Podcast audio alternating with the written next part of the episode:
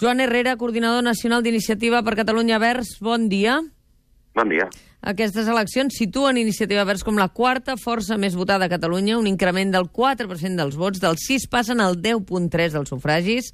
El futur de la política catalana i espanyola passa per uns parlaments més fragmentats, ja ho havíeu dit vosaltres des d'Iniciativa, i d'alguna manera es marca la final del bipartidisme, no? Home, el resultat és, és evident que és la fi del bipartidisme. PSC i, perdó, PSOE i PP no sumen el 50%, no havia Mhm. passat mai. Mm, els dos partits majoritaris de Catalunya, que ha estat CiU i PSC, no sumen el 35%. I jo crec que, que hem de prendre bona nota. Les alternatives també passen mm, per, per correlacions de forces mm, distintes.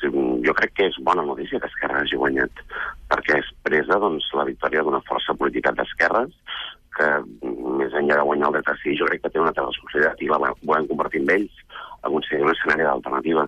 I el nostre creixement posa de manifest també que, que és compatible, perfectament compatible, la defensa dels drets nacionals, del dret a decidir, amb els drets socials, amb la política redistributiva, amb, amb a les retallades, però de dir a coses.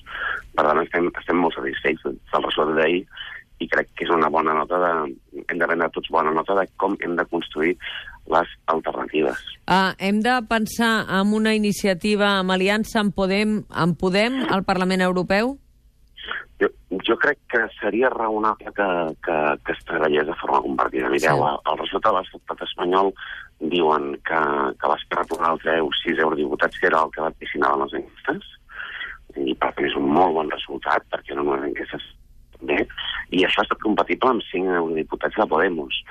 Si sumem són 11, però, però si sumem a més els percentatges electorals d'Express, eh, es podia construir un pol, un bloc, digueu-li com vulgueu, Mhm. que disputés l'hegemonia a PP i a, i a PSOE. I, I aquesta és una novetat extraordinària, perquè, perquè això evidencia que, com ha passat a altres latituds, a l'Uruguai, aquests dies hem sentit parlar de Mújica, però Mújica és mm, fruit d'un front, d'un front ampli que constitueix una alternativa.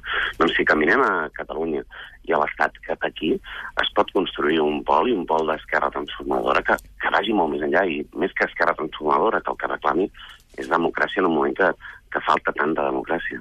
Doncs estarem pendents de com feu compatible això amb un Parlament europeu presidit pel Partit Popular Europeu, on seran molt difícil d'introduir canvis en les polítiques econòmiques tal i com ha quedat l'escenari. Veurem, veurem com però, evoluciona. però, Mònica, si em permets, um, el Parlament Europeu fins ara ha estat presidit per una gran coalició. Mm. PP, mm, Partit Socialista i Liberals.